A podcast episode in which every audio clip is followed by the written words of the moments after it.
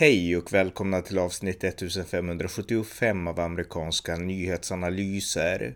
En konservativ podcast med mig, Ronny Berggren. Den 14 juni hålls ett fyllnadsval i Texas 34 kongressdistrikt. Republikanerna satsar stort medan Demokraterna rycker på axlarna. Här förklarar jag varför. Varmt välkomna!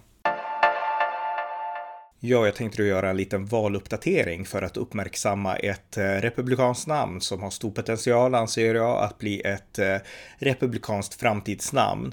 Och eh, bakgrunden till det här, det är ju att eh, i år, 2022, så hålls det alltså mellanårsval i USA, närmare bestämt den 8 november. Och då så står hela representanthuset på spel, alla 435 platser på representanthuset. Och eh, i representanthuset så är det just nu Demokraterna som styr. Nancy Pelosi, demokraten, är Speaker of the House. Men Demokraterna har en väldigt liten majoritet i representanthuset. Eh, Demokraterna har bara 220 platser mot 208 platser för Republikanerna. Sen är det sju platser som är obemannade på grund av att eh, kongresspersonerna antingen har avlidit eller hoppat av eller liknande. Men ett litet övertag i representanthuset som gör att Nancy Pelosi kan vara Speaker of the House. Och nu är det ju konservativa vindar som blåser i USA. Så Republikanerna hoppas att i mellanårsvalen i höst kunna få övertaget eh, om representanthuset och kunna sparka Nancy Pelosi. Det är Republikanernas mål. Och eh, det innebär att allt som händer i år har väldigt stora konsekvenser, även om det är små val i små distrikt. Och eh, det första valet som nu kommer att hållas, som kommer att ge en viss eh, indikation om vad som kanske kommer att hända i höst, det är ett fyllnadsval i Texas 34 kongressdistrikt, där Republikanerna har en växande stjärna som kandidat som heter Myra Flores och eh, jag tänkte här berätta lite om henne och om det här fyllnadsvalet i Texas. Och eh, det här är en del av min rapportering om mellanårsvalet i USA. Det här är en rapportering som har blivit eh, ganska, den har hamnat i skuggan av kriget i Ukraina och liknande som jag har valt att fokusera på istället. Men nu tänkte jag ändå berätta lite om det här valet i alla fall, mest för att jag tycker att Myra Flores verkar vara en potentiell stjärna och det som händer nu i Texas är rätt intressant för att det har med Eh, de här valtekniska aspekterna att göra också som det kan vara intressant att få lite vetskap om. Så här lite djupare om fyllnadsvalet i Texas 34 kongressdistrikt. Och bakgrunden till det här eh, valet, eh, att det hålls ett fyllnadsval, det beror på att den sittande demokratiska kongressmannen, för det är demokraterna som har det här distriktet, den sittande kongressmannen, Philemon Vella Jr, han har suttit som kongressman för det 34 distriktet i Texas sedan 2013. Men han beslöt i mars månad att hoppa av, att lämna sin plats för att istället söka sig till eh, den privata sektorn och arbeta för en lobbyfirma i Washington DC. Och när han hoppade av så pålyste Texas guvernör, republikanen Greg Abbott, att ett fyllnadsval skulle hållas den 14 juni. Och eh, till det här fyllnadsvalet så ställer två demokrater och två republikaner upp. Och eh, det funkar så här då att det är ett öppet val så att eh, de får ställa upp och alla får rösta som väljarna får rösta som de vill och får ingen enskild kandidat mer än 50% av rösterna. Då hålls det ett runoff-val i augusti mellan de två toppkandidaterna och den som då vinner, den får eh, den här övergivna kongressplatsen då, det 34 distriktet. Så att så funkar processen. Och Eh, Eh, på partinivå så har Demokraterna eh, två kandidater, men det är också en tredje kandidat som är intressant. Eh, de två kandidaterna som är aktuella nu för fyllnadsvalet, det är René Coronado eh, som arbetar som direktör i Texas och det är Dan Sanchez som arbetar som eh, jurist i, i, Texas. Och Dan Sanchez är huvudkandidaten kan sägas då. Det är de två demokraterna som kandiderar i det här fyllnadsvalet. Men sen är det så här att det finns också en demokrat till som är rätt intressant därför att det här, det hålls ju ett eh, fyllnadsval nu. Men sen hålls det också ett riktigt val eh, den 8 november då, när det riktiga mellanårsvalet ska hållas. Så att den som vinner, oavsett vem som vinner nu, den 14 juni eller om det går till ett runoff i augusti, så kommer den personen bara att inneha det här ämbetet några månader tills det blir ett nytt val igen den 8 november. Eh, så att eh, Demokraterna har helt enkelt valt att ha en enskild kandidat nu i fyllnadsvalet, men en annan kandidat den 8 november. Och den andra kandidaten, det är den sittande kongressmannen Vincent Gonzales, som nu sitter för eh, det 14 kongressdistriktet tror jag i Texas. Men det är så här att USA har någonting som heter redistricting, alltså när man gör om valdistrikten vart tionde år utifrån folkräkningarna. Och eh, det året infaller nu och det innebär att nu så har man eh, Eh, gjort om distrikten så att det distrikt som ska gälla den 8 november, det är ett helt annat distrikt. Det kommer att se helt annorlunda ut än vad distriktet gör nu den 14 juni. Så kongressdistrikt 34 i Texas kommer att ha en helt annan karta i höstens val och eh, där bedömer de flesta att Vincent Gonzales, den demokratiska kongressmannen från det 14 distriktet, kommer att vinna. Eh, så att Republikanerna, vad de ser, det är en chans att nu i sommar för en kort period när distriktet fortfarande ser ut som det gör kunna bryta in här i, i, det här distriktet och få en plattform. För det är så här att det här är ett djupt demokratiskt område.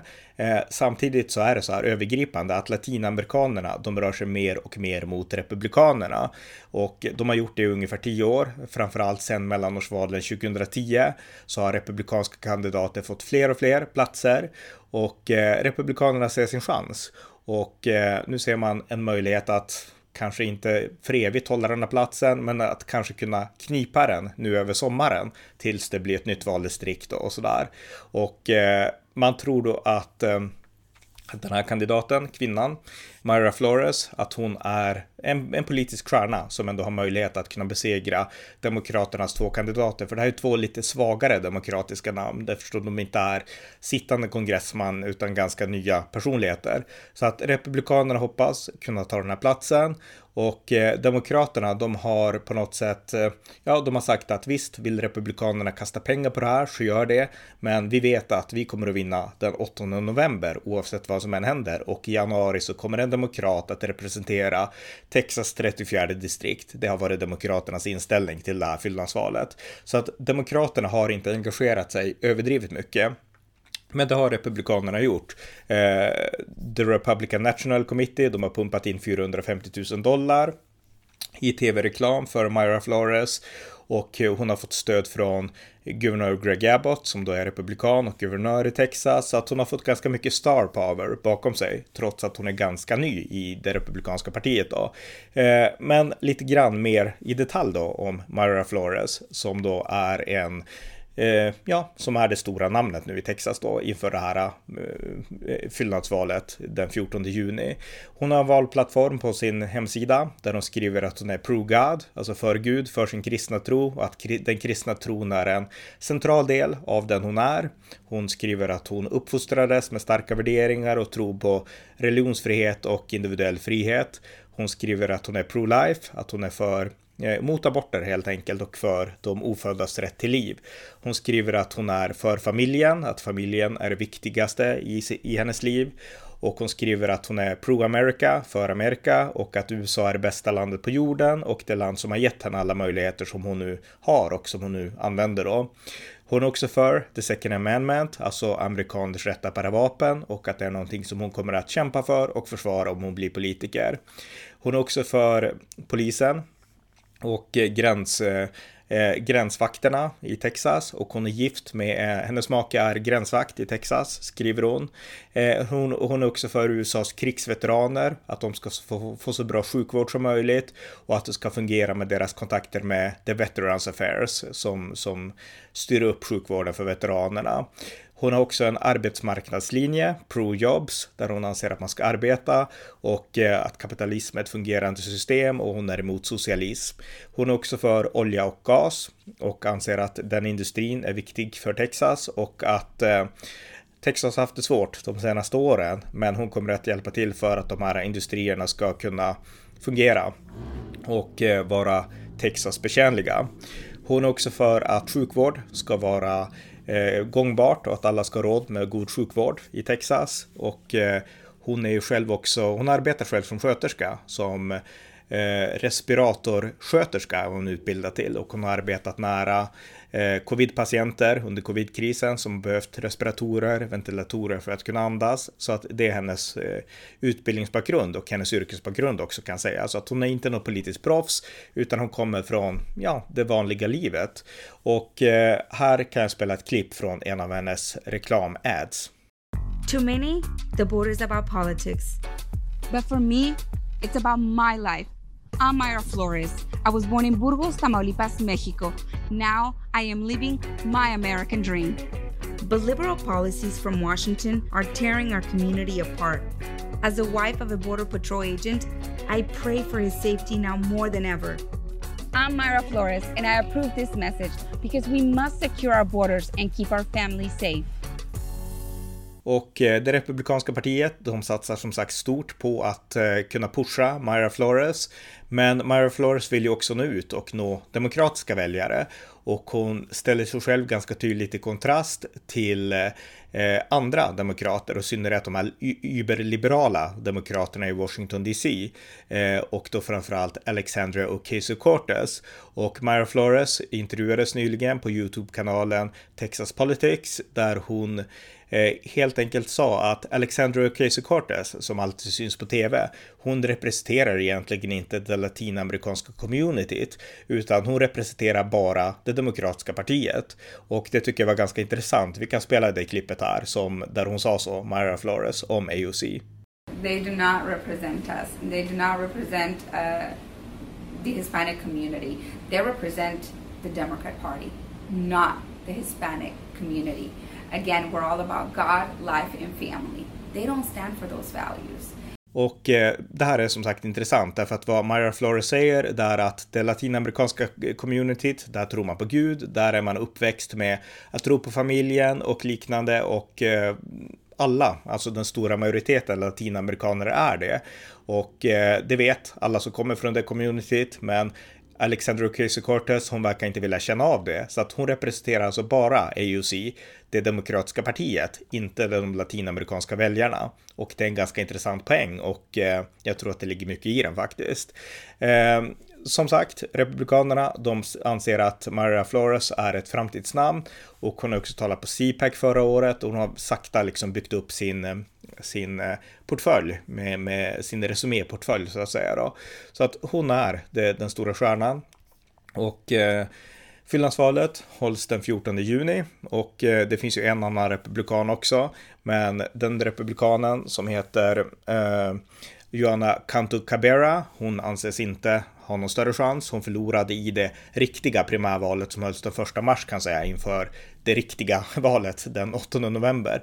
Eh, där förlorade hon då mot Myra Flores. Så att Myra Flores är Republikanernas huvudkandidat inför, eh, inför fyllnadsvalet den 14 juni. Och eh, ja, vi får se hur det går. Eh, hon kan förmodligen eh, i alla fall komma så långt att hon får en runoff i augusti och skulle hon vinna där så kommer hon ändå att ta den här platsen i några månader. Och det Republikanerna hoppas då med att ta den här platsen, det är att Myra Flores i så fall ska få en plattform, eh, plattformen som kongresskvinna, att under åtminstone några månader bygga upp ett namn, bygga upp ett rykte, kunna nå ut till fler väljare där i sitt distrikt, men också kunna bygga upp en nationell profil och få kontakter och sånt här i Washington DC för att man sen på sikt kanske ska kunna bygga en stabilitet där i det här distriktet i Texas och om man har tur även vinna valet, det riktiga valet och för en full ämbetsperiod den 8 november. Så att ett framtidsnamn som Republikanerna vill satsa på, Maria Flores och eh, jag har läst lite om henne, jag har sett intervjuer med henne, hon verkar väldigt social, väldigt glad och hon framstår mycket mer livfull än vad hon gör i de här korta klippen som jag har spelat. Så att ni som vill kan googla och titta på intervjuer med henne.